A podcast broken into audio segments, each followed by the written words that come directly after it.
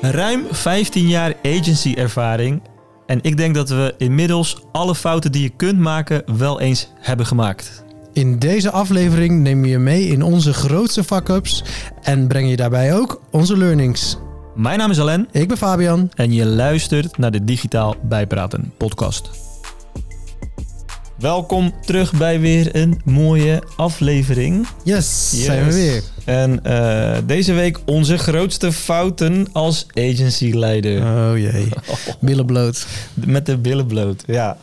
Ehm, ik denk dat het best wel veel gemaakte fouten zijn überhaupt die we gaan bespreken. Eh, maar we gaan het proberen toch iets persoonlijk te maken hoe wij het ervaren hebben en eh, wat we ervan geleerd hebben. Ja, en vooral omdat we al merkten toen we ze eh, zaten te bedenken... dat eigenlijk die fouten een, een algemeenheid kunnen zijn. Dus, dus ja, iedereen kan dit overkomen. Alleen is het verhaal dan net even anders met een eh, andere naam... en een net iets ander incident. Ja, Maar het komt wel op hetzelfde neer. En eh, ja. nou, ook misschien hoe je die kan voorkomen. ja, nou je kan niet alles voorkomen, maar de inzichten meenemen is waardevol, denk ik.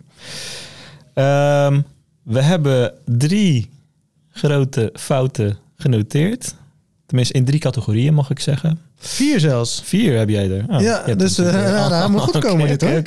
Eh, laten we beginnen met, eh, met de, de, de eerste die, die we hier hebben. En ehm, ja, dat zijn eigenlijk de categorie verkeerde klant Precies. binnenlaten, om het even zo te zeggen. Ja, gewoon eh, in zee gaan met de verkeerde klant. In zee gaan met de verkeerde klant. En dat zegt niet altijd wat over de klant. Nee, dat hoeft dus niet eh, de klant zelf als, als eh, persoon niet verkeerd zijn, maar dat het gewoon geen goede match is, maar dat je dan toch doet Precies. vanwege een deal of wat dan ook. Ja, Ja. En zo hebben wij, we gaan geen namen noemen, maar om een beetje context te geven, het is een, een, kledingwinkel. Ja. Eh, en dan zijn we een e-commerce traject eh, mee ingegaan in de tijd dat wij nog eh, aan het stuur zaten bij Elephant. Ja. Lang geleden. Ehm, nou, super toffe opdracht. ja, E-commerce deden we ook. zeker. Dus dat, daar lag het niet aan. Ja, het was een mooie opdracht van eh, Ja. eh, iemand die een nieuwe, nieuwe shop wilde. Ja. Eh, en die shop gelijk wilde aansluiten op zijn back-office systeem. Waarin natuurlijk gewoon al zijn voorraad zat. Waar, Ja. hij had twee winkels.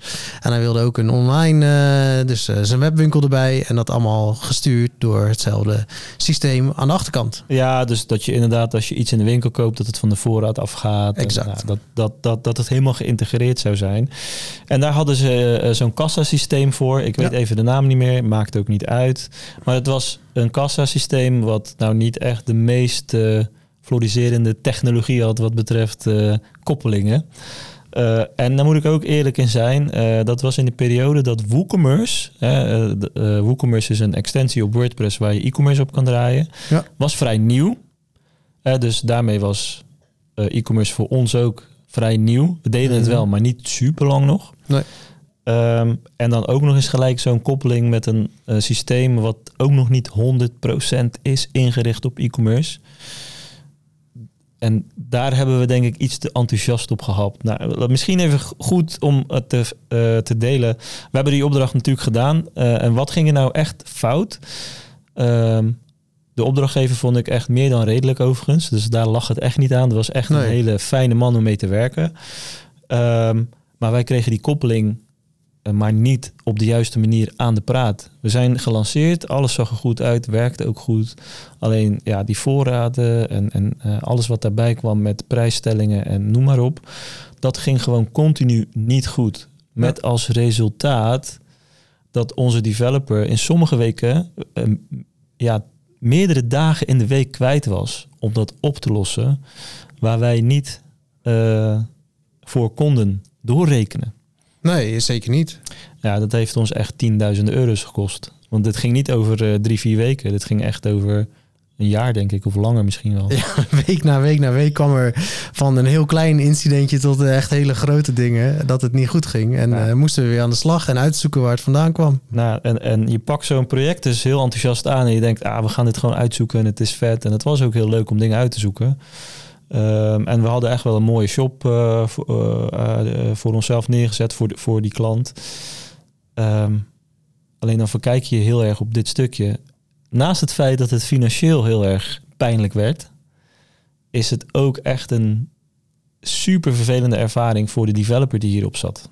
Ook. Want die wist het gewoon niet. Die, maar hij moest het fixen, iedere keer opnieuw. Ja, ja zeker, Ja, zeker. Super frustrerend. Ja, intern frustrerend, want je bent zelf ah, ook heel veel projectmanagement tijd aan kwijt. Dus constant die klant eh, eh, eh, ja, aan het ondersteunen, eh, beheersen. Eh, maar ook weer intern terugkoppelen van ja, kunnen dit proberen, kunnen dat proberen. En ik denk dat misschien wel het allerbelangrijkste is, ja, hoe ontstaat zoiets nou? Ja, het was een hele mooie aanvraag waarin 9% binnen die aan- aanvraag, 90% dachten we wel, ja, dat past gewoon perfect bij ons. Kunnen wij? Eh, dit is een mooie, eh, dit gaat een mooie case worden. En dan alleen dat stukje koppeling, waarvan we dachten, nou ja, hoe ingewikkeld kan een koppeling zijn? Nou, dat hebben we geleerd. Je- een onzekere factor voor ons was, maar we wel dachten, ja, koppeling hebben we eerder gedaan. En eh, nou ja, toen zijn we nog wel echt letterlijk bij dezelfde developer langs gegaan van, hey, wat denk jij? En die gaf toen onze eerste wording. Nou, misschien lukt het wel, maar ik zie wel wat kanttekeningen waardoor het fout kan gaan. En eh, eh, ja, ik ben niet 100% zeker van mijn zaak dat we dit kunnen doen. Ja, en dat over iets wat je überhaupt voor het eerst gaat doen, dan dat had eigenlijk al onze grootste red flag moeten zijn. Ja, ja. En gelijk moeten aangeven van ja, ho, dit is. eh, misschien Ja. moeten we het toch eens even, even heroverwegen. Ja, precies. En eh, gelukkig voor ons was dit nou niet een, eh, extreem grote organisatie met enorm veel transacties per dag. Maar, want dit kan natuurlijk heel snel in de papieren lopen als dingen niet meer kloppen. waardoor je ook nog eens een keer accountable wordt gehouden voor omzetderving of weet ik veel wat met dit soort zaken. Precies. Dat was er gelukkig nog niet, eh, maar dat had er maar bij kunnen komen. Ja, precies. Ja, we hebben gewoon eigenlijk iets, iets verkocht wat we niet konden. Ja, eh, eh, waar we te weinig onderzoek ook nog verder naar hadden gedaan. En dat ook nog eens binnen het totaal, binnen de totaal opdracht, totaal contract neergezet voor Ja. een vaste waarde. Ja, Ja. eh, financieel op leeggelopen, eh, moeilijke telefoontjes, ontevreden klant uiteindelijk. Ondanks dat de relatie op zich wel goed was. Ja, we zeiden toch van ja, dit is wat ik wil en dit is wat ik nodig heb. Eh, en dat leveren jullie gewoon niet. En uiteindelijk ook nog intern mensen die ja, helemaal niet blij zijn om constant met dit verhaal bezig te moeten zijn. Ja. afwikkeling, hoe ging dat ook weer? De afwikkeling, nou, was op zich nog wel best netjes. Eh, gewoon uiteindelijk aangegeven van, ja, wij eh, ehm, eh, denken niet dat deze koppeling op deze manier tot stand kan komen. Want de twee stukken software waar we het nu over hebben, willen gewoon niet koppelen. Daar, dat was even een beetje de simpele con- conclusie. Dus het gaat, het gaat niet werken. Ehm, dus hierbij het stuk eh, koppeling, in ieder geval wat daarvoor gerekend was, in ieder geval het geld terug. En eh, dat was hem eh, ongeveer. Nou, ik herinner me dat hij toen zei, maar zonder die koppeling is mijn webshop niks waard. Dus dat geld wil ik ook terug. Ja, nou, zo, de- toen is daar volgens mij nog wel een, een soort tussenweg in gevonden. Van Ja. mij hebben wij niet het volledige bedrag. eh, Nee. maar het, als, je, nou ja, als je hem terug gaat rekenen wat wij per uur hebben verdiend, dan, dan denk ik. Dan hadden we beter vakken kunnen gaan vullen. ja, precies. Ja. Dus dat was echt. Ik denk dat we echt onder de 10 euro per uur zijn geëindigd Ja, met het geheel. ja. nou, zeer pijnlijk en, en ook richting de klant natuurlijk eh, niet leuk. Ehm, wat hebben we hier nou eh, van geleerd? Wat we kunnen delen? Ehm, nou, ik denk dat je vooral moet kijken van oké, die aanvraag is heel tof, kan heel veel geld opleveren of een heel mooie case zijn. Maar bedenk ook, wat is de kans dat je hem ja, eh, verpest? En als je die kans nou, enigszins groot ziet, dan gaat het je uiteindelijk in die beide gevallen waar je denkt dat gaat me veel geld opleveren en het wordt een hele mooie case, gaat het juist precies het tegenovergestelde brengen. Ja. Dus ja, je moet echt goed kijken. Scho- Schoenmaker blijft bij je leest.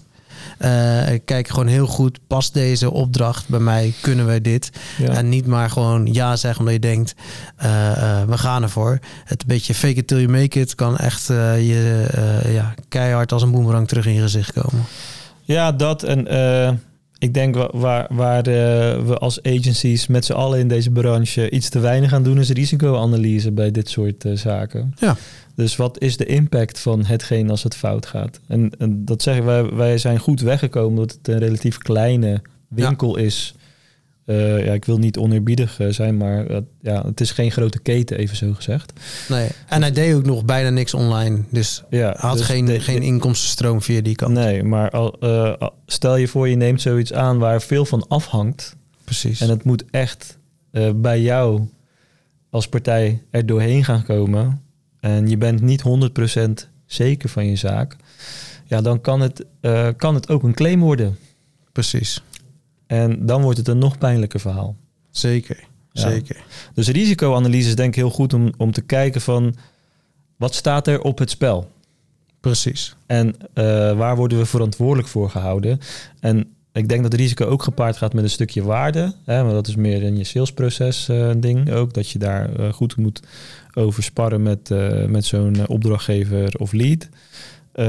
Maar dat was wel mijn eigen inzicht was, oké, ehm, risicoanalyse is eigenlijk best eh, belangrijk. Zeker als je merkt dat, dat er bepaalde dingen van de klant echt afhankelijk van jou gaan worden. Ja. Dus als iets instort, eh, ja, dat zo'n bedrijf bij wijze van voor een deel eh, stil komt te liggen. Ja. Ja. Oké, Precies. We hadden er nog eentje. we hadden er nog eentje. Ik heb hem omschreven als een telecomaanbieder. Het was een eh, telecomaanbieder, ja. Ja. Niet, een, eh, niet de grote jongens die je op tv ziet overigens. Maar, Nee, dat had er wel een grote probleem geweest. Die hadden zich waarschijnlijk ook niet zo eh, gedragen. nee, Want nu vinden we het wel een beetje dat het bij de, nou in ieder geval gedeeltelijk aan de klant en zijn gedrag lag. Ja, ja. Misschien eerst even context geven en Ja. dan kunnen we de, de kant daarvan uitlichten. Ja. Nou, doe jij het verhaal? Oeh, ja, deze telecomaanbieder kwam bij ons eh, eh, ehm, eh, binnen. Ook met een e-commerce vraag eigenlijk. Ehm, wilde alles wat hij normaal via allerlei offertesystemen en, en ingewikkelde zaken ehm, via veel mailtjes en zo regelde in één keer gecentraliseerd via een, een shop doen. Ja. Nou, had daarin heel veel verschillende eh, afwijkingen en, en bijzonderheden die die, eh, die, die Ja. wilde. Ja, zo veel, had- veel producten, veel verschillende eh, uitzonderingen op prijzen. Precies. En de ene is per maand, de andere is eenmalig. Maar als je dan dit aanklikt, moet die ook per maand worden. Dat soort dingen. precies, precies. Heel veel uitzonderingen en bijzonderheden. Ja, nou, en die, en die kwam binnen. En eigenlijk bij, bij de aanvraag merkte eh, in ieder geval ik toen al van oké, eh, deze man eh, zit wel heel erg op. Maar je gaat dit wel leveren. En dit is een afspraak die we maken. Hè? En dus eigenlijk alleen maar vanuit een beetje wantrouwen ja. aan, het, aan het handelen. En ja, toen uiteindelijk toch akkoord met ons voorstel. Eh, ik kan me ook nog wel herinneren dat hij daar zelfs ook nog wel een beetje over eh, zwaar onderhandeld heeft. Terwijl we eigenlijk best wel iets straks en scherps hadden neergelegd. ja. En toen kwam volgens mij het eh, stukje van ja, toen gingen we het maken. hè. En toen stond alles, nou, ik denk wel, ik durf wel te zeggen, voor 98% binnen zijn wensen. En zeiden we op een gegeven moment, ja, maar deze uitzondering moet je echt even uithalen, want dat kan gewoon niet. En toen zei hij, nee, nee, nee, ja. jullie gaan dit gewoon maken. Ja, ook dit hebben we met WooCommerce opgepakt. En we wisten eigenlijk al, eh, dit valt niet helemaal binnen de grenzen van eh WooCommerce. Nou ja, ik, ik denk dat we van, ik ben niet helemaal eens dat we van tevoren alles al precies hadden kunnen zien. Ik, Nee. ik zit hem vooral op van, oké, als die toen, als die twee dingetjes veranderd had in zijn structuur, dan was alles opgelost geweest. Ja, Dan had, had hij iets heel tofs gehad, wat gewoon heel ver vooruit kon eh, eh, komen. Eh, had het snel gelanceerd geweest, had hij daar alle voordelen van gehad. Behalve dan dat hij een paar aanbiedingen net even op een andere manier moest doen. Ja. Of dat alsnog misschien een keer ergens bij, bij twee van de drie, eh, nou, twee van de drie, twee van de honderd uitzonderingen. ja, een keer handmatig iets moest oplossen. ja. Ja, en dat, dat was hij het gewoon niet mee eens. Hij moest gewoon precies werken zoals hij het in zijn hoofd had. En als dat niet zo is, dan ja, ja nou, moesten dit we maar door. klopt. Ehm, ik geef hier toch wel eh, eh, bijna alle schuld aan ons, als ik heel eerlijk ben. Ehm, ik, ik snap wat je zegt hoor, want ik, eh, ik, ik heb natuurlijk ik heb het project geleid. Dus ik weet, ik heb de man heb ik ervaren. En Ja. ik weet nog dat ik met Sinterklaasavond, herinner ik me nog, Ja. met hem bezig was in de avond tijdens pakjesavond. Ja. Ja, gelukkig had ik destijds geen kinderen nog. Eh, maar eh dan was ik in de, in de avond dus nog met hem bezig om het voor elkaar proberen te krijgen, zodat het live kon gaan. Was ook niet gelukt. Dus het, het was echt een hele ja, frustrerende, energiezuigende traject. Eh, maar dat was eerlijk gezegd voor die klant natuurlijk niet anders. Nee, mee eens. Maar ja, als je samen iets doet, dan Ja. moet je ook samen op zoek naar een oplossing. Ja. En, en ja, je- die houding eh, had hij inderdaad. Nee, het eh, moest niet allemaal. Ja, Ja, hij had iets gekocht, dus je, de anderen gingen het maar regelen. En eh, ja, we hadden ook nog een, een, een CO-traject met hem op een no-cure, no-pay basis. En eh, eh, eh, ja, die ging, deden we heel veel mooie dingen. En dan liet hij de paar werkzaamheden die hij zelf met zijn team moest doen achterwege. En zei hij, ja, ja niet- ik betaal toch niet totdat het de prestaties er zijn. Dus ja, regelen jullie het maar. Dus Ja. de- deze man had wel echt de houding. En die houding had hij al in het salesgesprek. Of in de eerste gesprekken was het heel erg ja, eh, zijn belang voorop. Eh, eh, heel erg eh, duwen op de plekken waarvan hij zegt: Ja, dit is gewoon, dit eis ik van jullie, dit moeten jullie doen. Ja. Eh, ehm, dit wil ik er ook in hebben. Is een, is een, moet zwart op wit als een eis erin. Ja, Ja, ja. ja Dus- nou, dat, die red flags die hebben wij ten harte genomen. En we hebben toch een voorstel uitgebracht. Ja. Eh, dus ik denk dat, dat daar de grote learning in zit. Is eh, wederom jezelf blind staren op een potentieel mooi, mooie case neerzetten. Eh, zonder goed te kijken naar de randvoorwaarden. Want ook hetzelfde eigenlijk als in het eerste voorbeeld. Onderaan de streep, als je kijkt naar het daadwerkelijk gerealiseerd uurtarief voor dit project, dan had je ook weer beter vakken kunnen vullen. Eh, maar als je dan ook kijkt naar de energie tijdens het traject en eh, de relatie die je eigenlijk hoopt op te bouwen met de klant, en dat dat dan eigenlijk helemaal de andere kant op gaat. Eh, gelukkig was er geen sprake van een conflict hoor, maar ja, dus er, er was wel zeker sprake van spanning en de belangen die in een ja, soort van getouwtrek kwamen. ja. Ehm, eh, dat, is, dat is wel jammer natuurlijk. Zeker, Ja, dat- zeker. Ja, Dus bij deze zou ik vooral zeggen, de red flag is van... het voelde al niet prettig in, in, in het begin met, eh, Ja. met zo iemand. Eh, je merkte dat ze anders naar een samenwerking eh, keken dan dat wij dat deden. dat er heel veel eisen in zitten en dat die ja, een beetje probeerde nog van alles erbij te graaien... en zich vooral eh, op de kleine lettertjes focuste als het in zijn voordeel was... ja. Eh, ja, allemaal red flags die we hadden kunnen zien en die we gewoon hadden moeten zeggen, dan Ja. maar niet. Nou, en als je dan toch doet, doe het dan niet voor een fixed price. Want we hebben het ook nog voor een fixed price gedaan. Want we werkten destijds gewoon met fixed price pro project eh, eh, aanbiedingen. Eh, doe het dan gewoon op uurbasis. Ja. En als die dan nee zegt, dan weet je gewoon... oké, ja, misschien had het ook niet zo moeten zijn. We wilden gewoon te graag de opdracht binnenhalen... eh, omdat we er een mooie uitdaging in zagen. Precies. En eh, dat heeft ons behoorlijk gebeten. Dus de learning is, ja, kijk wel goed naar het gedrag van je prospect. En weeg je risico's wat realistischer af. Precies. Kijk goed naar jezelf, kijk goed naar de ander. eh, eh, van klopt dit wel? En, en durf daar ook gewoon, ook al hangt er een zak geld waarvan je denkt, ja, die wil ik toch wel hebben. Durf dat echt af te wegen en te zeggen, nou, ik denk dat het beter is als we dit niet doen. Ja, maar ook hierin eh, geldt van ja, je gaat echt aan de slag met het processen van een organisatie. Dus er gaat heel veel op je leunen. Ja. En dat is gewoon risico. Want als het dan uitvalt, ja, dan hangen ze aan de telefoon en dan moet je daar prioriteit aan geven. Ja. Ja, we waren destijds volgens mij eh, met nog geen eh, tien eh, teamleden in totaal. Ja, dat, dat, dat ben je eigenlijk gewoon niet, niet op ingericht, dit soort type samenwerkingen. Nee, precies. Maar daar zit ook de, de andere kant. En Diegene dacht voor een koopje ergens. Het was een. Die probeerde een situatie uit te buiten. Ja, ja. En- in ja. beide kanten zitten de Ja. mooie learnings. precies. Ja. Dus Ja. ja, dat, eh, laten we het daar lekker bij houden. Bij, Ja. eh, dus ja, Ja, verkeerde klant aannemen is gewoon een. Ik denk wel in agencyland de meest gemaakte fout. de meest gemaakte fout. En het heeft echt het meeste te maken met, eh, in onze ervaring, eh, goed je risico's afwegen versus de kansen die je ziet. En soms schieten we uit enthousiasme heel erg de focus in richting die kansen. En dan zijn we heel optimistisch dat die risico's wel goed komen. Maar ja, wees daar gewoon voorzichtig in. Ja, Tweede Zeker. categorie. tweede categorie. Nou ja, je hebt verkeerde klanten.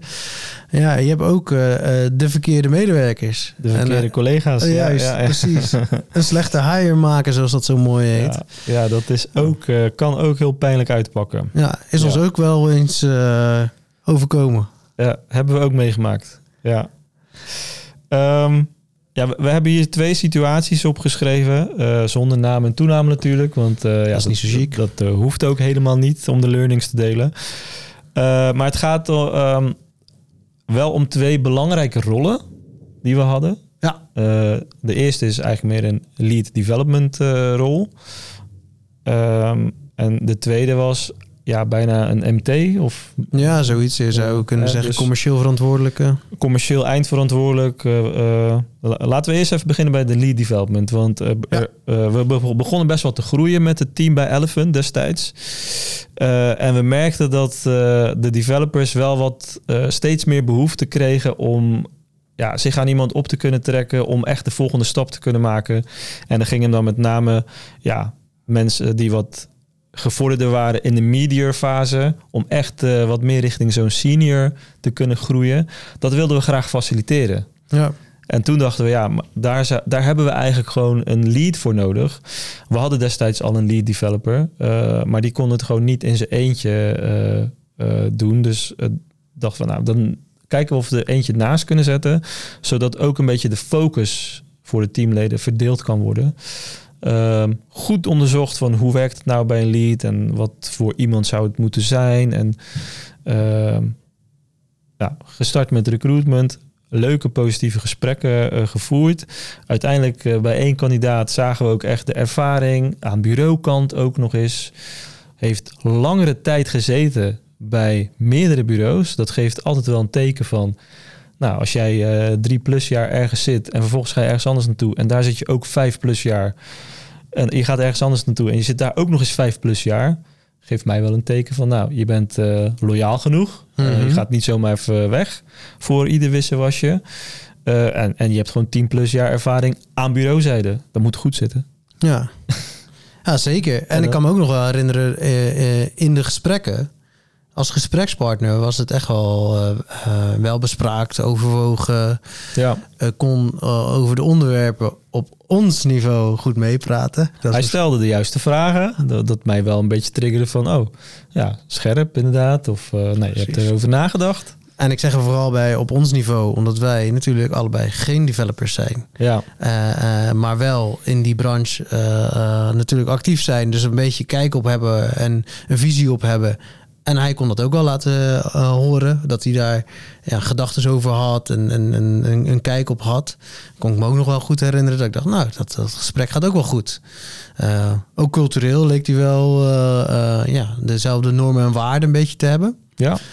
in het gesprek in ieder geval kwam dat naar boven. Ja. Alleen toch ging het niet helemaal goed. Het ging niet goed. nee, precies. Sorry. Um, ja, waar ging het dan uiteindelijk toch mis? Um, qua persoon was het, uh, was het wel echt wel een match. Dus we konden het goed met elkaar vinden. De teamleden konden het goed met hem vinden. Dus er zat, uh, er zat niet iets van een spanning in die zin in. Maar als je het hebt over prestatie... en dan meer in de vorm van niet alleen lead... maar überhaupt het developmentwerk... was het gewoon niet wat we ervan uh, hadden verwacht. En niet op de standaard zoals wij die überhaupt hebben. Nee. En um, ja, dat heeft ons wel de inzicht gegeven in uh, dat uh, iemand op papier heel goed kan zijn. Ja. Uh, iemand een heel mooi goed praatje kan houden. Uh, en zelfs oprecht daarin kan zijn. Dus niet per se jou om de tuin leidt, maar gewoon goed is in het voeren van een gesprek. Mm -hmm. Maar dat is niet genoeg. Nee, zeker. Ja, het mist hier gewoon volledig aan een, een stukje harde kwalificatie. Ja. Um, uh, een opdracht laten doen. Uh, um, ja, in, in de developerwereld is dat dan vaak uh, een, een, stukje code laten schrijven. van hoe zou je dat opbouwen? Met welke standaarden doe je dat? En hoe snel kan je dat? want dat viel dus bijvoorbeeld nou, gewoon enorm tegen. te, ja. te, te, langzaam, te veel fouten. te, volgens mij wat, wat er ook uit van andere developers begrepen is ook echt te oude manieren van, van opbouwen. Ja. Uh, ja. Weinig logica. Ja, en ook als je dan weer terugkijkt naar, oké, okay, wat hebben we eigenlijk gemist? We hebben gemist dat de type bureaus waar uh, uh, deze persoon gezeten heeft, bureaus zijn die ook wat ja, verouderde type CMS'en gebruikten. Bureaus zijn die een stuk groter waren, waar hij ja, wat minder impactvol was, even eh, zo gezegd. Dus hij was een onderdeel binnen een team, Ja. waardoor je ook ja, wat makkelijker mee kunt draaien. En ja, wij waren met, eh, ik gok, eh 12 tot 15 ergens. eh, zoiets, ja. ehm, Zoiets. ja, daarin kun je je niet veroorloven om te zeggen, ik, ik ben maar en zeker niet in de lead positie. Nee, Hij heeft ook geen lead positie gehad in die vorige rollen. nee. En, dat, en, en die tekenen, die hebben we vanuit ons enthousiasme, hebben we gewoon niet scherp genoeg naar gekeken. Zeker niet. Ja. Nee, 100% niet. Nee. En, eh, en, en wat, wat heeft het ons uiteindelijk gekost? Ja, eh, je gaat met zo iemand eh, eh, aan de slag. Nou ja, dan komen de eerste tekenen van mensen die zeggen... nou, volgens mij gaat het niet helemaal goed. Ja, dan wil je toch nog naar een oplossing zoeken. Dus dan ga je er extra tijd en energie in steken. En Ja. eh, dan ga je proberen het te fixen. Terwijl het eigenlijk al niet te fixen was. Ja, dan ga je toch nog twee maanden verder. Ja, daar is ongelooflijk veel tijd in gegaan. Eh, eh, daar is een stukje... eh, ehm, ja, eh, vertrouwen verloren vanuit het team eh, ehm, in, in, eh, in ons kunnen om de juiste mensen aan te nemen. Eh, ja, of, of ze, hoor, ze voelen zich niet eh, goed genoeg gehoord. Hè? Precies. Dat ze zeggen van, nou, ik heb heel duidelijk gezegd eh, als developer dat het hem niet wordt en jullie gaan toch verder. Ja, precies. Eh, ja, word ik wel serieus genomen. Een beetje Ja. dat sentiment, zeg maar, Ja, kun, je, kun je krijgen. Ja, nou ja, dat, dus, dus dat, dat heeft ons echt wel eh, eh, stevig. Het moraal heeft eraan geleid. precies. En dan heb je dus ook nog eens iemand op je loonlijst staan die al een paar maanden salaris heeft gehad. Die dan denkt, ja, hij moet nu echt weg, want nu wordt de schade alleen maar groter en groter en groter. Maar hoe krijg je zo iemand weg? Ja, je- want de relatie onderling, het was niet dat... Hij, hij, hij wilde wel. Hij Ja. wilde echt. Hè. Het is niet iemand die eh, zijn kont tegen de krippen de- deed en, eh, Ja, en eh, niet mee wilde werken. En ook hij baalde ervan dat bepaalde dingen niet gingen zoals wij hopen, ja. hoopten. Ehm, maar inderdaad, hoe zorg je er dan voor dat je wel afscheid van elkaar kan nemen? ja. Ja, Zeker. Nou ja, simpelweg. Ja, dat kost gewoon geld. ja. Daar hoeven we niet omheen te draaien. Dat Nee. is, in Nederland moet je dan gewoon een contract afkopen. Dus eh, dat was ook nog eens het, eh, het geval. ja. Eh nou, konden we wel snel uitkomen. Want ja, we zagen ook, we hoeven elkaar niet in de weg te zitten. En ja, dat is gewoon op die manier opgelost. Maar ja, uiteindelijk sta je dan vervolgens weer terug waar je ooit begonnen was. Voordat je het hele ja, proces was ingegaan om iemand te binnenhalen. De gesprekken, de onboarding, eh, de eerste maanden aan de slag. eh, eh, en alle ja, de damage die onderweg is geweest. Inclusief de tijd die ik net al noemde. Ja, ben je gewoon weer terug waar, waar je stond. ja. En kan je opnieuw beginnen. En dan kan je opnieuw beginnen. Nou, twee belangrijke learnings hierin is eh, wees eh, eh, scherp op je selectie en zorg dat je daar ook de juiste criteria voor pakt en weet Precies. hoe je die criteria er boven water gaat krijgen. Ja. Hè, dus eh, wij hebben sindsdien volgens mij ook echt voor gekozen om voor specifieke rollen specifieke code reviews te ontwikkelen. Eh, niet per se dat je dan eh, gaat letten of iemand de juiste code schrijft als developer, maar meer de denkwijze achterhaalt. En dat kan matchen aan het niveau van een junior, medior, senior of lead. Dus we hebben daar direct dan gradaties in gemaakt van oké, hoe denk jij als ja, eh, developer als voorbeeld? Precies. En is dat in lijn met wat we van jou zouden gaan verwachten? Precies. En, En, dat hoe zijn, snel ben je bijvoorbeeld ook? Ja, zeker. En dat zijn de hard skills waar we het over hadden. Daar kan je een testje op loslaten door ja, een soort van case te laten maken of iets in die richting. Ja, Eh, je kan natuurlijk ook naar die, die, de softkant kijken. Dus want dit was ook nog eens een lead rol. Dus dan is het ook belangrijk dat iemand ja, goed met mensen om kan gaan. Ja, daar heb je tegenwoordig ook wat tooltjes voor. Waar je wat, wat surveys kan laten invullen. Waardoor daar ook iets uit komt rollen. Wat niet zegt eh, het is goed of het is fout. Nee, meer van hey, in deze richting zit deze persoon. Dus dit kan je ervan verwachten. ja, Ja, dat zijn ook dingen die we steeds vaker eh, laten invullen, eh, invullen van tevoren. En ja, er zit ook een heel groot ander dingetje bij. Ja, schade en schande. Hoe vaker je iets doet en hoe vaker iets misgaat, hoe beter je er uiteindelijk in gaat worden. dus dat is ook een grote learning in dat geheel. ja. Heb je niet zoveel aan eh, als je nu zit te luisteren en je denkt, ja, dus ik moet eerst een paar keer mishire doen. Nee, ja, liever niet natuurlijk. Maar ja, daardoor leer je ook een hoop. Maar ik denk dat je het vooral kan voorkomen door inderdaad heel eh, structureel kan ik op hard skills en op soft skills een aantal testen doen. Om zo in ieder geval nog beter te kwalificeren. En dan kan er Ja. altijd nog steeds die mishire tussen zitten. Ja, en dat is denk ik de volgende learning, is als die mishire toch komt, en geloof me, die gaat toch komen, hoe goed je het ook eh, van tevoren probeert af te vangen. dan moet je ook durven snel afscheid te nemen. Je Ja. hebt een maand proeftijd. En zeker bij de essentiële rollen, maar eigenlijk wel bij alle rollen. Kijk even goed, wat verwacht je van iemand in zo'n maand? Zit er goed bovenop en durf dan het besluit te nemen. Daarmee bescherm je ook je team. Ja. Eh, je, eh, je bent het eigenlijk verplicht naar je team ook, eh, om, als je er zo naar kijkt. Om daar heel scherp op te zitten met een go-no-go moment. Ja, ja zeker. Want dat, als je dat namelijk niet doet, dan moet je daarna best lang uitzitten. Waar heel veel energie gaat kosten, heel veel tijd gaat kosten. En eh, Uiteindelijk het moraal eronder gaat leiden. Ja, en, ja, precies. Dus ja, dat is echt eh, eh, nou ja, een hele belangrijke. En dat brengt ons misschien bij, bij het tweede voorbeeld. En die ga ik lekker wat korter houden. De commerciële man die we hadden binnengehaald, waarvan we dachten: hey, die gaat het bedrijf op die manier misschien laten we wel helemaal leiden zelfs. Ehm, ja, die kwam binnen, eh, kwam eh, vanuit een misschien iets meer ook eh, corporate wereld, waardoor die ja, echt wel wat ja, slimmigheden of ervaringen kon meenemen. Maar we Nou, dachten, ik- hey, die kunnen goed toegepast worden bij ons. Daar kunnen we echt veel van, van Die meenemen en leren. een staat van dienst waar je u tegen zegt. Bij Precies. hele mooie grote bedrijven met mooie posities. Waarvan wij dachten van, jeetje joh, deze, deze man gaat ons dingen leren. Precies. Dit willen we. Ja, precies. Eh, en ja, toen eh, begonnen we uiteindelijk. En dan merk je toch dat er een verschil zit tussen de twee werelden. Dat wat je in die, in die corporate wereld heel goed kan toepassen, dat dat niet altijd kan bij eh, een kleine organisatie. Of dat die eh, hands-on zelf dingen moest gaan doen, waar die eh, anders dat gewoon uitbesteden aan partijen of aan andere eh, mensen binnen zijn organisatie. Ja, je moet soms zo gewoon even een eh, paginaatje vullen eh, bij een klein bureau. Ja, precies. Gewoon, ja, die website moet Dat op orde eh, zijn. En daar ben je zelf ook verantwoordelijk voor. Ja, dan moet je het Ja. zelf fixen. Dat soort kleine dingetjes. Ja, precies. Dus eh, dat kwam me voorbij. Ehm, ook eh, nul branchekennis. Ja. Ja. hij kende onze branche. Ik vond hem heel interessant, wel onze branche, maar hij kende het niet.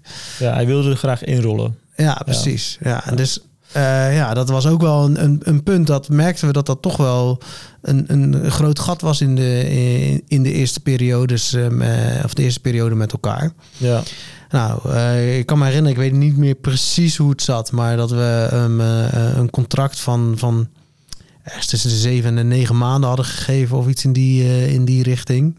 Nou, we gingen eh, richting het einde van het contract en we merkten al van ja, we zijn toch niet zo heel blij. Maar we hadden wel vaak goede gesprekken met hem. Eh, dus, en daar had hij echt wel visie en inzicht. maar ook zijn intentie was wel echt, ik wil graag gas geven en waar ik kan verbeteren, ga ik dat doen en ik wil investeren. Precies. Ook in mijn kennis en nou ja, dan denk je, je, merkt dan van, in ieder geval in je gevoel, oké, we kunnen hier wel wel samen uitkomen. Precies. Ja, Ja, en, eh, ehm, en wij dachten ook van ja, eh, er is toch al vaak een gesprek geweest dat dingen tegenvielen. En soms ook wel dat hij eh, vanuit het team een beetje ja, niet meer helemaal het gevoel had dat hij, dat hij goed gedragen werd. Dus je zag ook wat onzekerheid bij hem ontstaan. ja, En toen dachten wij van nou weet je wat, we geven hem gewoon nog een goede kans. En dat doen we door een, een vast contract aan te bieden. Eh, gelijk. Want dat geeft een soort vertrouwen dat we dan uitstralen van... hé, hey, we geloven echt in je. en we willen in jou ervoor. investeren. Wij willen in jou investeren, jij investeert in ons. We gaan ervoor. Alleen precies, ja, ik denk dat de, de inkt net droog was van het vaste contract. En toen ontstonden er twee of drie, waarvan één heel groot incident. eh, waarbij ja, iets gewoon volledig misging. Eh, eh, waar hij verantwoordelijk voor was. Waar uiteindelijk het hele team zelfs nog een stukje... eh, ja, eh, Daarvoor moest overwerken voor moest meerdere overwerken, dagen. moest op, om het te opdragen. herstellen. Ja, precies. dus dus die, die, ja, met het hele team is het toen keihard gewerkt om, om, om dat, dat op te pakken. Nou ja, eh, dat was één. En toen daarna kwamen er meerdere van dit soort kleine dingetjes. En toen zeiden we van ja, die, deze positie wordt onthoudbaar. Want het team begon echt te morren en te zeggen van ja, Ja, dit het- klopt gewoon niet. Kijk, eh, hij, hij was aangesteld om echt eh, ja, aan de leiding te komen van dat bedrijf. Ja, En als dan, laat ik zeggen, 70 of 80 procent van het team daar heel erg lijn tegenover gaat staan, precies. ja, dan is dat gewoon niet meer houdbaar. Precies. En Dus- toen waren we echt ook ja, gedwongen, maar we zagen het ook zo. Hè? Moesten we dat gesprek aangaan, ja, eh, je hebt een vast contract, maar ja, we kunnen niet verder. Precies. Dus dat hebben we toen ook gedaan. En eh, daarin hebben we volgens mij ook gelijk gezegd van ja, eh, ja, dit, dit is gewoon heel balen voor ons beiden. Uh, en we snappen uh, hoe dit werkt en we willen het niet moeilijk doen. En laten we er gewoon snel mogelijk uitkomen.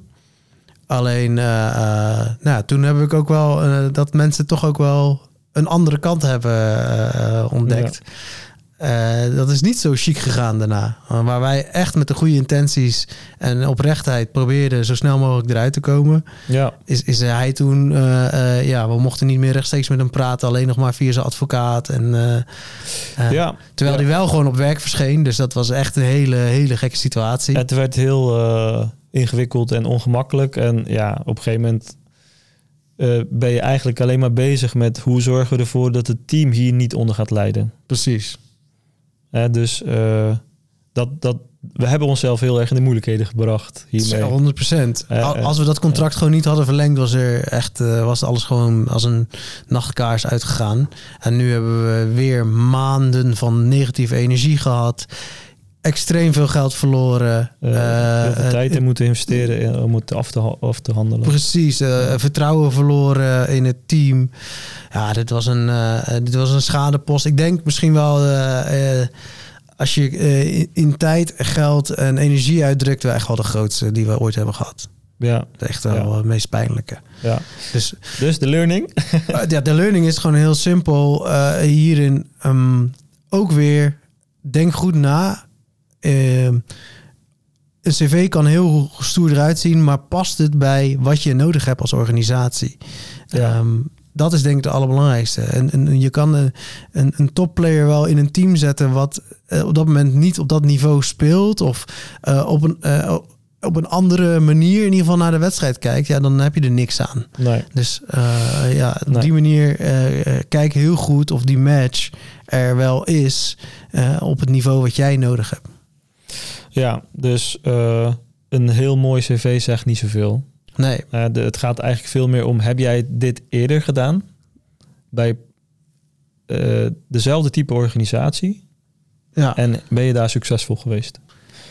Precies. Daar zou ik veel meer naar kijken. En dezelfde type organisatie, als jij nu met 15 man als agency bent, dan wil je eigenlijk zo'n essentiële positie, hè, als je het hebt over een MT-lid of iets in die richting, ja. dan moet die daar vandaan komen. En als Precies, die daar niet vandaan komt, moet je dat als risico aankaarten bij die kandidaat ook. Ja, zeker. Dus als die dan van eh, een hele grote agency met honderden, zo niet duizenden mensen vandaan komt en daar een lead van een team is geweest, dat is zo totaal anders dan dat die in jouw organisatie. Ja, die gaat dan een dingen willen implementeren die helemaal niet passend zijn. Dus dat wordt heel erg schakelen voor zo'n persoon. Ja, Terwijl wij in die periode dachten van, nou, eh, als jij dit kan, dan is dit voor jou een eitje. En dat is helemaal niet waar. precies. Ja, ja dus dat, dat, eh, dat was wel een, eh, een waardevol inzicht eh, en een dure les. Ja, zeker, zeker. ja. Oké, nou dan gaan we verder naar eh, de laatste twee. Dus we hebben nou, de verkeerde klant, de verkeerde hire. En eh, ik heb hier ook staan de verkeerde rol aan iemand geven. Ja, ja, dat is dus niet de hire, maar dat is al iemand die eh, wat langer meeloopt bij hem. Ja, Eh, en ehm, die in een verkeerde positie zetten. Dus dat eh, Ja. de verkeerde eh, eh, verantwoordelijkheden of skills eh, verwacht gaan worden van iemand die eigenlijk daar helemaal niet eh, zo lekker in zit. En eh, eh, ondanks dat beide, eh, dus zowel jij als organisatie als diegene aan de andere kant, eh, wel de intentie hebben van nou dit gaan we helemaal goed doen, moet je goed nadenken, past dit ook wel echt bij iemand? ja, Dit, eh, dit ging over iemand in een, in een, eh, een projectmanagementrol. En een projectmanagementrol met heel veel technische eh, en, en, en structurele eh, ehm, skills die, we, die, die nodig waren. ja, Waar juist deze persoon heel goed was in, in eh, wat meer relaties onderhouden. Dus die zat wat meer in, in, in, in accountmanagement en had ook een marketingachtergrond. Ja, Dus ja, diegene eh, die kwam in een, in een rol terecht eh, die wel heel tof klonk, maar uiteindelijk ja, eh, skills vroeg die, die er niet waren. En dan merk je Ja. dat iemand gaat ondersneeuwen. ja, niet alleen skills, maar ik denk ook gewoon de, de interesses en de persoonlijkheid die Precies, iemand heeft. Dus het gaat niet per se om hoe goed je iets kan, maar ook wat jou aantrekt als persoon. Ja, En precies. waar je energie van krijgt. Ja, nou ja, precies. Nou, even om mooi in de kleuren te gaan praten. Dit was een, een, een hooggeel iemand eh, eh, die in een blauwe rol werd gestopt. Die werd in een blauwe rol gestopt. Ja. Ga jij maar even mooie structuur aanbrengen. En Precies. ga jij maar even met alle developers kijken hoe we sprints gaan inrichten. En eh, hoe we budgetteringen gaan doen. Terwijl deze persoon juist heel erg creativiteit er vanaf wilde laten spatten. de klanten wilde inspireren. Echt, ja. Eh, en, eh, die persoon zag wel die uitdaging. Eh, anders had hij het ook niet gedaan. Maar ehm, ja, daar heb je dan met elkaar verkijk je je daar dan in. Ja, zeker, zeker. Dus, en, en wat krijg je dan is dat, dat iemand gaat tegenvallen, maar ook iemand onzeker wordt. daardoor in zichzelf keert ook een beetje. Ehm, en, en, en nog zelfs van de dingen die, die iemand dan wel al goed deed, die in één keer veel minder gaat laten zien, omdat die totale onzekerheid toeslaat. Ja, Ja, en dan sloop je eigenlijk iemand zijn, zijn, zijn, zijn carrière een beetje. Want die Ja, begint echt de- onder te sneeuwen. De vervolgstap van zo'n carrière, eh, die, die, eh, ja, die, die sloop je dan, ja. Ja, precies. ja. Door ja. gewoon echt, echt verkeerde, eh, door totaal verkeerde inschatting die we al van tevoren, zeker met de kennis van nu, maar ja, dat is omdat we deze les sowieso al hebben gehad, maar al hadden kunnen zien van ja, dit, dit is gewoon helemaal niet de rol voor jou. Dus we moeten dit ook helemaal niet willen. Nee. Nou, nou, en, en als je dan toch overweegt om dat wel te doen, dan eh, plaats iemand dan niet gelijk in zo'n rol. Hè, want als je dat doet, dat komt heel definitief over. Dat ga je ook aankondigen intern van jongens, eh, die en die gaat eh, eh, vanaf eh, x datum zich focussen op deze zaken. En ja, dan is het een soort van no way back. Je kunt ook zeggen van doe, doe even drie tot zes maanden gaan we een, een traject in verkenning doen of het voor jou bevalt. Ja, En dan mag je één dag per week of noem maar, geef het vorm. Want je kunt gewoon een heel mooi, passend persoon kwijtraken hierdoor. ja zeker. Ja, ja eh, en ook echt diegene echt terugbrengen in, in zijn carrière. Gewoon, eh, ja, wat ik, ik noemde onzekerheid net echt als een grote factor. Dat is gewoon een hele belangrijke factor in hoe je jezelf ontwikkelt. Als je lekker in je vel zit, je zeker voelt, dan ga je ook sneller dingen oppakken. Ga je meer leren, heb je meer plezier in, in, in je werk en je leven. Ja, eh, dat, als dan zo'n situatie dat allemaal omgooit, ja, dan dat is super zonde natuurlijk. En daar ben je als agency-leider echt verantwoordelijk voor. Dus dat neem, je, neem ik mezelf echt wel kwalijk hierin dat we dat eh, toen zo hebben geprobeerd. En, eh, wist, ik wist ook niet beter, hè? dus het is geen slechte intentie. Maar ja, een beetje logisch nadenken hadden we wel kunnen weten. Dit is niet de juiste, Nee. dit is niet de juiste keuze. Nee, maar dat is sowieso eh, eh, misschien even een sidestep als extra lesje is dat we ehm, te weinig de intenties prijzen met elkaar. Want ja, doorgaans zijn er weinig mensen die verkeerde intenties hebben. Mhm. Maar het kan wel verkeerd uitpakken. Ja. En je bent geneigd eh, iemand eh, te bekijken eh, vanuit de lens van het resultaat wat iemand biedt. In plaats van de intentie die erachter zat. Ja. Dus, ja, ik, ik probeer wel steeds meer te kijken. Kan ik onderzoeken of wat nou de intentie van die persoon was? Om vervolgens te, met die persoon te bespreken. Van hey, dit was jouw intentie, maar je, ja, je resultaat is daar niet naar. Waar denk je dat die gat eh, in ligt, zeg maar? Ja. Dat is een veel beter gesprek dan eh, te focussen op ja, je, je, je doet het niet goed. Nee, eh, 100% mee eens. Dat is het echt, geeft ook, het ja. maakt een, het zorgt dat er een gesprek komt. Ja, In plaats van dat er alleen maar eh, beetje twee verschillende meningen met een beetje boosheid ertussen zit. En dan kom je toch niet tot elkaar. nee. Als je eerst even naar de common ground zoekt, wat vaak de juiste intentie is. Allebei heb je de intentie om ergens te komen, dan kom je een stuk verder. Maar, alright, dat was niet een onderdeel van, dit, eh, van deze podcast. En sowieso gaan wij naar de laatste, maar niet voordat we natuurlijk even onze, onze tip van, eh, van de week hebben. De verkenning, ja, klopt. Eh, ik was hem al bijna vergeten. Dus ja, ja, ja, ja. Hey, even ik, en ik zou geen goede sidekick zijn als ik jou niet zou, eh, zou ondersteunen hier. Lekker bezig. Zal ik gewoon beginnen met mijn tip? ja.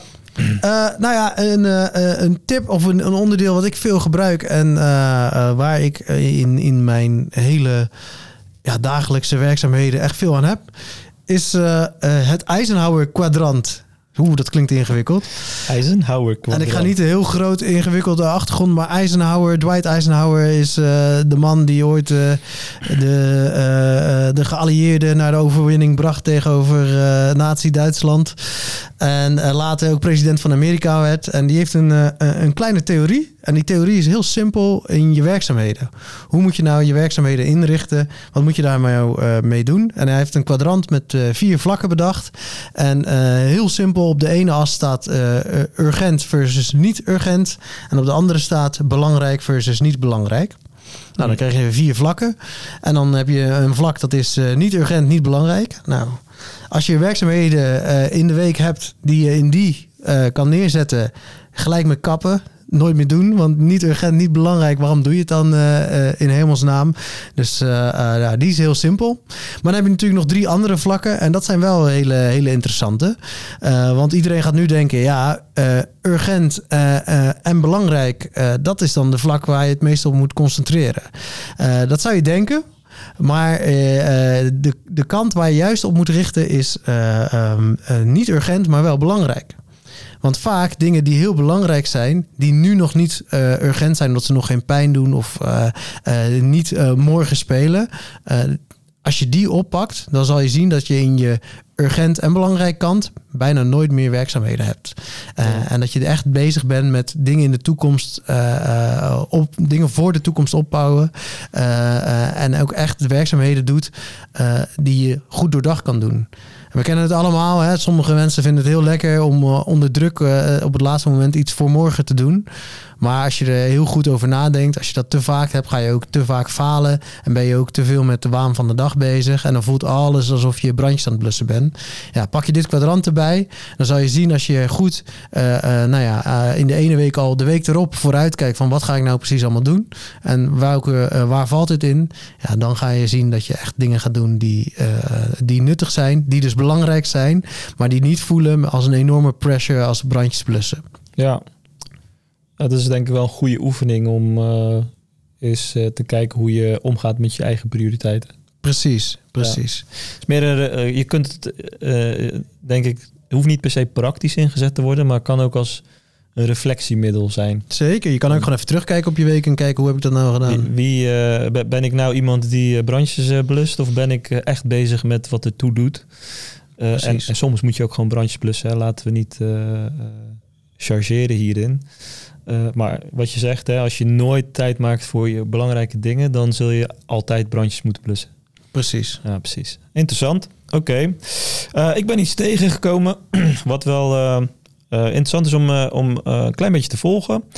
En ehm, ja, AI is natuurlijk sinds vorig jaar een beetje ontploft. En ik denk dat dit jaar gewoon ook gaat blijven.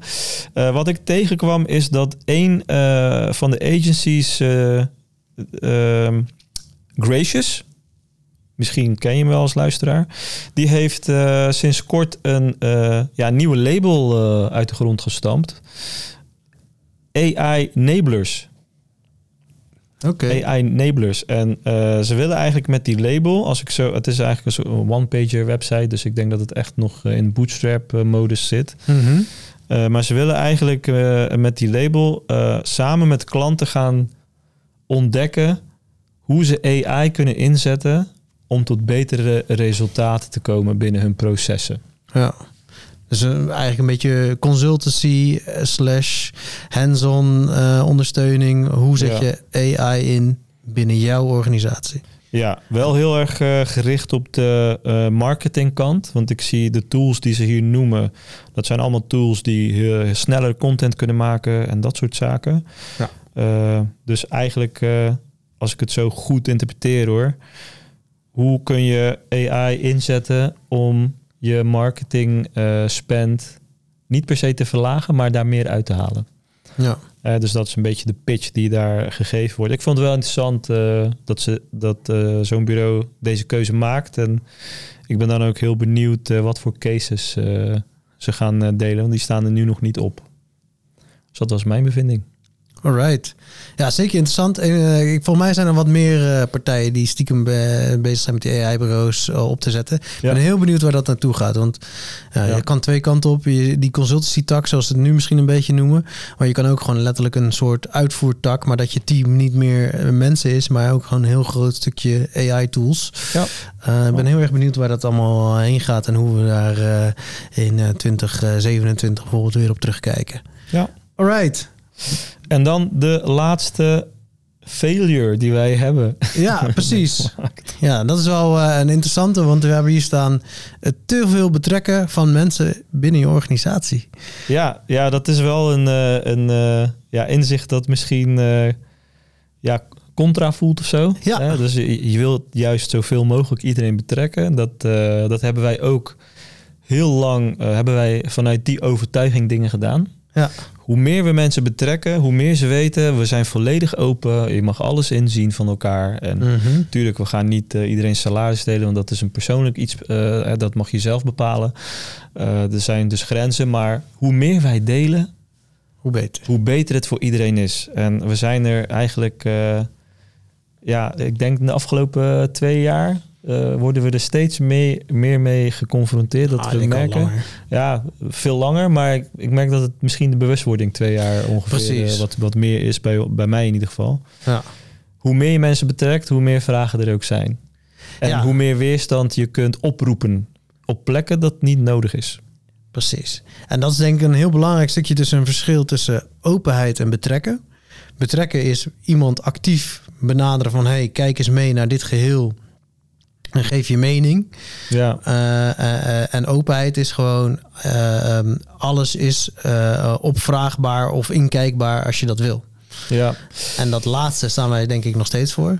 Vragen naar en je krijgt het. Ja. Maar het eerste, ja. Niet iedereen wil overal bij betrokken worden. Precies. En, dat is wel een misvatting die we... Ja, ik herinner me zeg maar nog bij toen we echt Elephant zelf aan het runnen waren, deden wij best wat initiatieven met het gehele team. Als ik daar nu naar terugkijk, ja, dat is niet altijd even handig geweest om iedereen overal maar bij te betrekken. Precies. Zo hadden wij uh, volgens mij één keer per maand een, een bedrijfsretro, ja. hebben we dat maar genoemd. Ja. En uh, het doel van de bedrijfsretro was dat iedereen mocht inbrengen wat er beter zou moeten. Ah, hartstikke mooie gedachte. Ja. Um, maar je moet je voorstellen dat een stagiair dat dus ook doet. En iemand die er tien, nou, tien jaar is misschien overdreven, maar iemand die vijf jaar lang al bij de organisatie ook. Dus er zitten heel veel verschillen in. En wat voor de ene een, een frustratiepunt is, uh, de fietsenstalling. Ik noem maar een gek voorbeeld. Nou. Uh, is voor de andere helemaal niet boeiend, want die komt met de auto. Uh, dus je gaat eigenlijk alles op één hoop gooien. en we hadden een Trello-bord voor die retro. Dus al die ideeën werden in die Trello-bord gegooid. Iedereen kreeg ook toegang tot die Trello-bord. Uh, en die Trello-bord werd op een gegeven moment hernoemd door een van de collega's naar de klaagmuur. Ja. Nou, en dan weet je gewoon, oké, dit was, uh, dit werkt averechts. Want het is, uh, er zaten op een gegeven moment alleen maar dingen in wat mensen anders wilden, beter wilden of niet goed vonden gaan. Ja, ja. ja precies. En, ja, en het ging echt op een gegeven moment op het kleinste detailniveau. En dat was juist, juist wilde dat mensen mee gingen denken op, op, uh, op het bedrijfsniveau. Van hey, hoe kunnen we dingen in totaal beter maken? Werd het op een gegeven moment inderdaad van nou, letterlijk, uh, ja, uh, hoe kunnen we het fietsenhok slimmer indelen? Zoiets kwam er inderdaad voor, uh, voorbij. Ja. En de volgende was, ja, hoe kunnen we uh, uh, zorgen dat als de bel gaat, het duidelijker is hoe we dat, wie er open gaat doen of zo. Zoiets ja. kwam er. En, en, en, en toen was het dus ook van, oké, wie wil het oplossen? En toen werd het in één keer al stil van, ja, oké, hoezo? Ik mocht toch meedenken en jullie gingen toch gewoon voor me regelen. dat, toen was dat al van, nou, oké, toen merkten we dus, oh ja, er is wel betrokkenheid in de vorm van, ik wil best wel wat zeggen, maar ik wil er niet zoveel voor doen. maar maar dat is niet altijd. Want soms werd er ook wel mensen zeiden, nou dan ga ik dit oppakken. Maar ja, dan werd er een oplossing bedacht dat je dacht, ja, zo, dit is wel een heel ingewikkeld systeem. Of, oh ja, ik vind het wel erg veel geld om 5000 euro te investeren om uh, onze deurbel uh, beter uh, ja. te maken. Dus ja, dan krijg je dus op een gegeven moment ja, de, de, de, te veel mensen die over te veel dingen gaan nadenken met een, een, een, een, een referentiekader wat niet altijd aansluit bij gewoon wat de organisatie in basis of in het gemiddelde nodig heeft. Nee, nee dat, en dat was denk ik uh, een, een flauw voorbeeld misschien van wat langer geleden.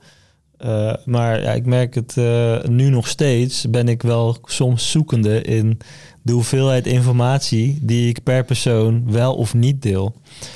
Um, want soms hou ik informatie achter met als doel van ja, dat, uh, niet om het achter te houden, maar meer om, ja, om niet onnodig iemand, hoe zou ik het kunnen benoemen, te bespuwen met allemaal dingen. Gewoon overload aan information, zeg maar. Ja, dat, zo, om, om iemand ook te helpen een bepaald besluit te nemen of een, een bepaald mening te vormen.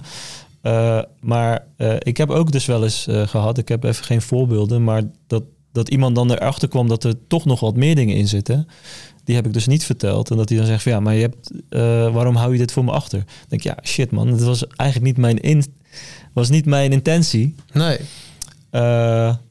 maar ja, iedereen volledig overal in meenemen, ja, dan gaat zo'n meeting, bij wijze van, als je het in een meeting gaat doen, ja, drie keer zo lang duren ook. Ja, en soms wordt er dan ook op één detail, wat zeg maar ja, een heel klein dingetje is, wordt daar juist even de focus op gelegd, terwijl dat, ja, dat is een detail. Ja, en dat is heel moeilijk. Uh, die balans is denk ik heel moeilijk, maar uh, ik denk dat het voor uh, iedere agency-leider wel essentieel is om er in ieder geval bewust mee bezig te zijn. Um, wat deel ik en wat laat ik even achterwege. Ja. Zeker. En dat helpt je gewoon in, in uh, bepaalde discussies en of juist discussies te voorkomen. Ja, precies. Of een meeting wat soepeler te laten verlopen. Precies. En niet alles en iedereen moet overal bij. Je kan gewoon dit in kleine kleine onderdeeltjes verdelen ook om beslissingen te maken. Waar wij dus inderdaad vroeger de hele bedrijf voor een aantal dingen kan je ook gewoon zeggen: hey, jullie met z'n tweeën gaan jullie ze achterhalen wat mensen uh, binnen het pand vervelende zaken vinden en schrijf ze even op en dan gaan we ze daarna periodiseren in plaats van een één grote uh, vergaarbak aan allerlei dingen van, van uh, zaken die mensen anders zouden willen. Ja, dat geeft ook een bepaald beeld inderdaad. Want als je als je het als je zegt, we hebben drie dingen aan het pand verbeterd, aan je hele team, hm. versus je zegt, we, we, we, zien dat we 18 uh, irritatiepunten hebben op het pand. Ja. Ja, beide is niet gelogen. maar die eerste heeft iets beter, geeft een iets beter gevoel van vooruitgang. Precies. Ja.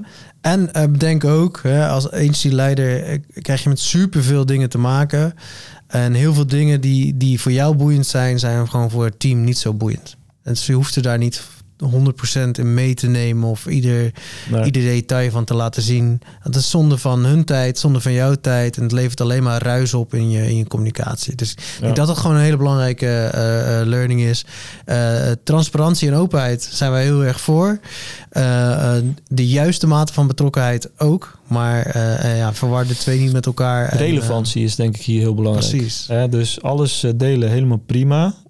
maar het moment is niet altijd uh, daar om iets te delen. Precies. Uh, ja, wat ik ook veel zie, misschien wel leuk om daarop in te haken, en we hebben het denk ik ook veel gedaan in het verleden, is, is uh, als er een, een kwartaal of een maand update of, of een, een teambijeenkomst is waar iedereen bij is.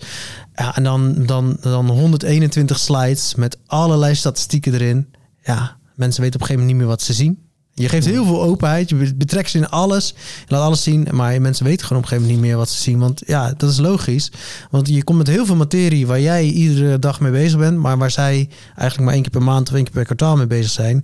Beperk dat. Maak het klein. Maak het eenvoudig. Zeg gewoon, dit zijn de belangrijkste dingen. En geef wel gewoon aan. Hierachter zit nog een hele laag aan details. Als je daar meer over wil weten, kom gewoon even langs. Dat is gewoon die openheid.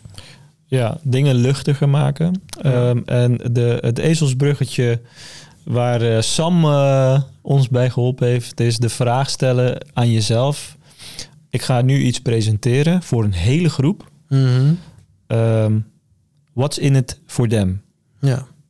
Dus, oké, okay, onze omzet gaat met 30% omhoog dit jaar. Dat zijn de, de plannen voor dit jaar, bijvoorbeeld. Ja. Hoe is dit belangrijk voor een stagiair? Ja, precies.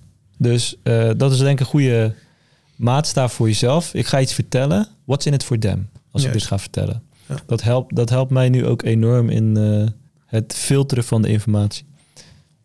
Precies. Ja. En, Alright. eh, hiermee sluiten we hem denk ik weer af. Ja, Mooie aflevering hoop ik. ja, ik hoop dat iedereen, iedereen kan leren van onze fouten. En eh, eh, vergeet niet, eh, van fouten leer je zelf het meest. Dus ja, het is ook niet zo erg als je ze zelf nog een keer maakt. Gaat vast gebeuren en eh, het is oké. Jo. tot de volgende. Hoi hoi. Hoi.